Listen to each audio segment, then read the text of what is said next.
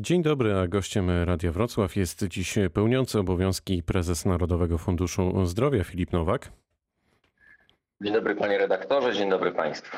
Panie prezesie, ponad miesiąc temu pytałem pana o ograniczenie teleporad. Minister zdrowia Adam Niedzielski podpisał wtedy rozporządzenie w tej sprawie. Jak to dziś wygląda? Czy lekarze zastosowali się do nowych wytycznych? Tak jak pan redaktor zauważył, to dopiero od miesiąca są nowe regulacje dotyczące teleporad, ale wydaje mi się, że faktycznie jest tak, że wracamy do normalnej opieki zdrowotnej, co jest chyba bardzo korzystne dla nas wszystkich. Te wytyczne dotyczące tego, z kim należy się spotkać bezwzględnie, chyba zaczynają y, działać. W Rzeszowie trwa e, kontrola prowadzona przez Narodowy Fundusz Zdrowia. E, czy prawdą jest, że do szczepień przeciw COVID-19 miały być wielokrotnie używane jednorazowe strzykawki? Czy może pan już coś zdradzić? Tę kontrolę przeprowadzamy wspólnie z lokalnym sanepidem i tym, e, ewentualnością zastosowania wielokrotnego strzykawek jednorazowych zajmuje się raczej sanepid niż Narodowy Fundusz Zdrowia. Natomiast kontrola jeszcze jest e, w trakcie. E, chcielibyśmy zbadać bardzo dokładnie wszystkie aspekty, które są poruszane w tej kontroli i tutaj raczej pośpiech nie jest wskazany, bardziej dokładność i precyzyjność zbierania materiału dowodowego.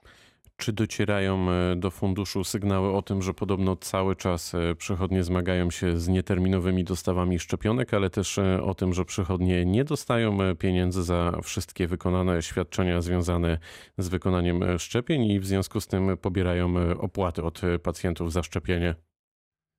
E, bardzo się cieszę, że pan redaktor e, zadał pytanie dotyczące pobierania opłat. To jest oczywiście praktyka niedopuszczalna i każdy taki sygnał e, będziemy kontrolować i będziemy sprawdzać. Szczepienia przeciw COVID są w naszym kraju darmowe czy też finansowane z budżetu państwa, bo oczywiście nic na świecie nie jest za darmo, ale e, jeżeli kiedykolwiek ktokolwiek z Państwa zostanie poproszony o zapłacenie za tego typu usługę, bardzo proszę kontaktować się z Narodowym Funduszem Zdrowia, czy to z oddziałem, czy z infolinią. My każdy taki, e, taki sygnał będziemy sprawdzać. E, natomiast odnośnie tego, czy Narodowy Fundusz nie płaci, oczywiście, że płacimy za wszystkie świadczenia, za wszystkie świadczenia, które zostały wykonane i które zostały odpowiednio sprawozdane. Także myślę, że to są e, informacje e, tak zwane fejkowe, choć nie lubię tego słowa. Czyli przekłamane. To co mają zrobić, e, panie prezesie, ci pacjenci, którzy już zapłacili za to szczepienie?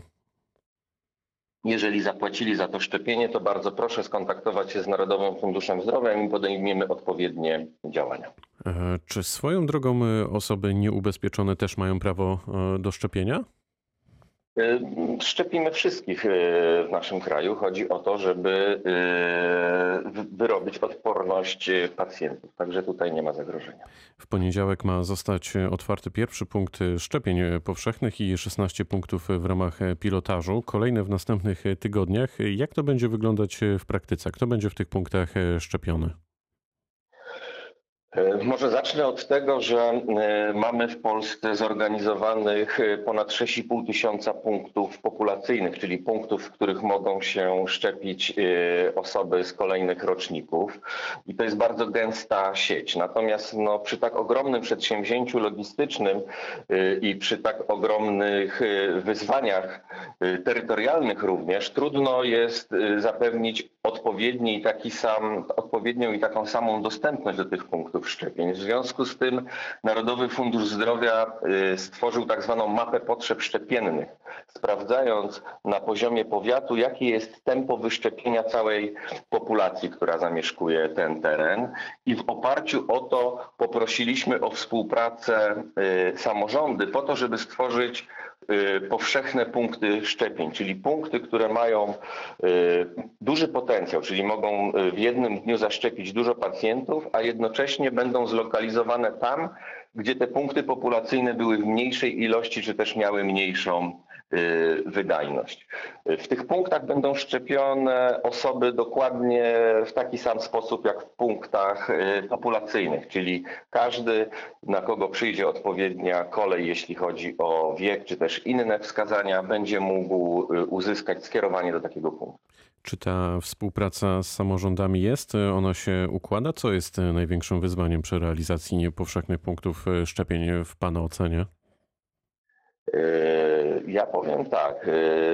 Każdy, kto mm, jest samorządowcem i stara się zabezpieczyć tę yy, lokalną społeczność, rozumie potrzebę wsparcia również przy tworzeniu punktów yy, powszechnych. W związku z tym to zaangażowanie jest duże. Oczywiście różnie w różnych yy, miejscach, ale jednak jest spore i dzięki temu udało nam się no, około 600, nawet ponad 600 takich punktów utworzyć w ekspresowym y, tempie. To właśnie dzięki współpracy samorządów y, z lokalnymi medykami.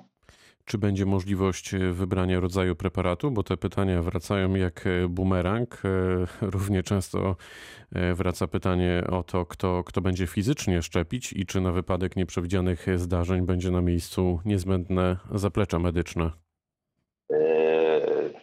To nie jest tak, że punkt szczepień można sobie utworzyć w dowolnym miejscu i w dowolny sposób. Są kryteria określane przez Sanepid i wszystkie punkty szczepień, do których trafimy, y, są punktami bezpiecznymi. Z założenia muszą być punktami y, bezpiecznymi. W związku z tym nie ma zagrożenia, że jeśli nastąpi, y, co, co się bardzo, bardzo rzadko zdarza, jakiś niepożądany odczyn, to pacjent zostanie bez pomocy. Natomiast faktycznie jest też tak, że rozszerzamy grupę, za, grupy zawodowe, które będą mogły szczepić. No chodzi o tę y, masowość y, wykonywania szczepień. I kto będzie szczepić e, oprócz e, lekarzy i pielęgniarek? No, to będą również na przykład ratownicy medyczni, aptekarze, farmaceuci konkretnie. Uważam, że ta grupa będzie coraz szersza. Oczywiście te osoby przechodzą odpowiednie przeszkolenie. Kiedy realnie będzie można e, myśleć e, o tym, że te szczepienia faktycznie staną się powszechne? To znaczy skończą się zapisy rocznikowe, a zaczną e, dla tych, którzy po prostu chcą się zaszczepić bez względu na wiek. Jak już mówiłem, jeśli chodzi o potencjał do szczepienia, o, to, o tą możliwość masowego szczepienia, to wydaje mi się, że nasz kraj jest przygotowany doskonale, a teraz dzięki punktom powszechnym to przygotowanie jeszcze wzrosło. Wszystko niestety zależy od rytm, rytmiczności dostaw, a tu uzależnieni jesteśmy od y, producentów y, szczepionki. Z informacji, które posiadamy, które niestety mogą ulec zmianie, bo y, producenci stają się coraz bardziej nieprzewidywalni, wygląda na to, że w maju już ten rytm dostaw będzie odpowiedni, a stąd już tylko krok pewnie do decyzji, że możemy szczepić y, wszystkich naprawdę, naprawdę masowo. Czy ma pan, panie prezesie, jakieś e, informacje, ale takie konkretne na temat tego funduszu kompensacyjnego dla pacjentów, którzy ewentualnie zmagają się z jakimiś powikłaniami po szczepieniu na COVID? To już e, realnie wystartowało? Być może już ktoś dostał jakieś pieniądze w tej sprawie? No właśnie tu nie chciałbym wchodzić w kompetencje, które y, nie należą do Narodowego Funduszu Zdrowia, więc jeśli pan redaktor pozwoli i zwolni mnie y, z odpowiedzi na to pytanie, to y, pewnie byłbym zobowiązany. Nie chciałbym zajmować się rzeczami, którymi Narodowy Fundusz Zdrowia raczej się nie zajmuje. Okej, no to pytanie, czy może w takim razie Narodowy Fundusz Zdrowia będzie zaangażowany, a może już jest w prace związane z paszportem szczepionkowym? Y, Jeszcze Narodowy Fundusz Zdrowia nie jest zaangażowany w paszport szczepionkowy, natomiast Narodowy Fundusz Zdrowia, jak być może Państwo zauważyli, mam nadzieję, że Państwo zauważyli, bezpośrednio lub pośrednio zaangażowany jest w większość działań związanych z przeciwdziałaniem czy też z walką z epidemią. Y, Mam nadzieję, że po cichu, ale jednak sprawdzamy się w roli takiego współorganizatora bądź organizatora większości przedsięwzięć. Y, Z czego jestem oczywiście dumny jako pełniący obowiązki prezesa. No to mi pan odpowiedział teraz, panie prezesie, to ja jednak jeszcze pociągnę e, ten temat. Czy w pana ocenie, z pana perspektywy taki paszport e, szczepionkowy to jest e, dobry pomysł? Y, Ja powiem tak, każdy pomysł, który y, ułatwia życie w tym wypadku Polakom jest y, dobry, a my jesteśmy spragnieni chyba korzystania z dobrodziejstw choćby turystyki, czy też pracy również poza granicami naszego kraju, więc myślę, że trzeba pracować nad rozwiązaniami, które uproszczą nam życie. No to na koniec pytanie o to, na jaką e, pomoc e, mogą liczyć dziś pacjenci, którzy wymagają e, rehabilitacji po przechorowaniu koronawirusa i do kogo w tej sprawie powinni się zwrócić. Tak, rehabilitacja po koronawirusie jest y, bardzo, bardzo potrzebnym, y, potrzebną terapią i od 2, mm, e, 2 kwietnia istnieje możliwość tworzenia tak zwanej rehabilitacji pokowidowej w warunkach stacjonarnych. Ta rehabilitacja już jest tworzona y, w sanatoriach, w szpitalach rehabilitacyjnych i tutaj podstawowym uproszczeniem w dostaniu się na taką rehabilitację jest to, że skierowanie może y, wystawić każdy lekarz systemu.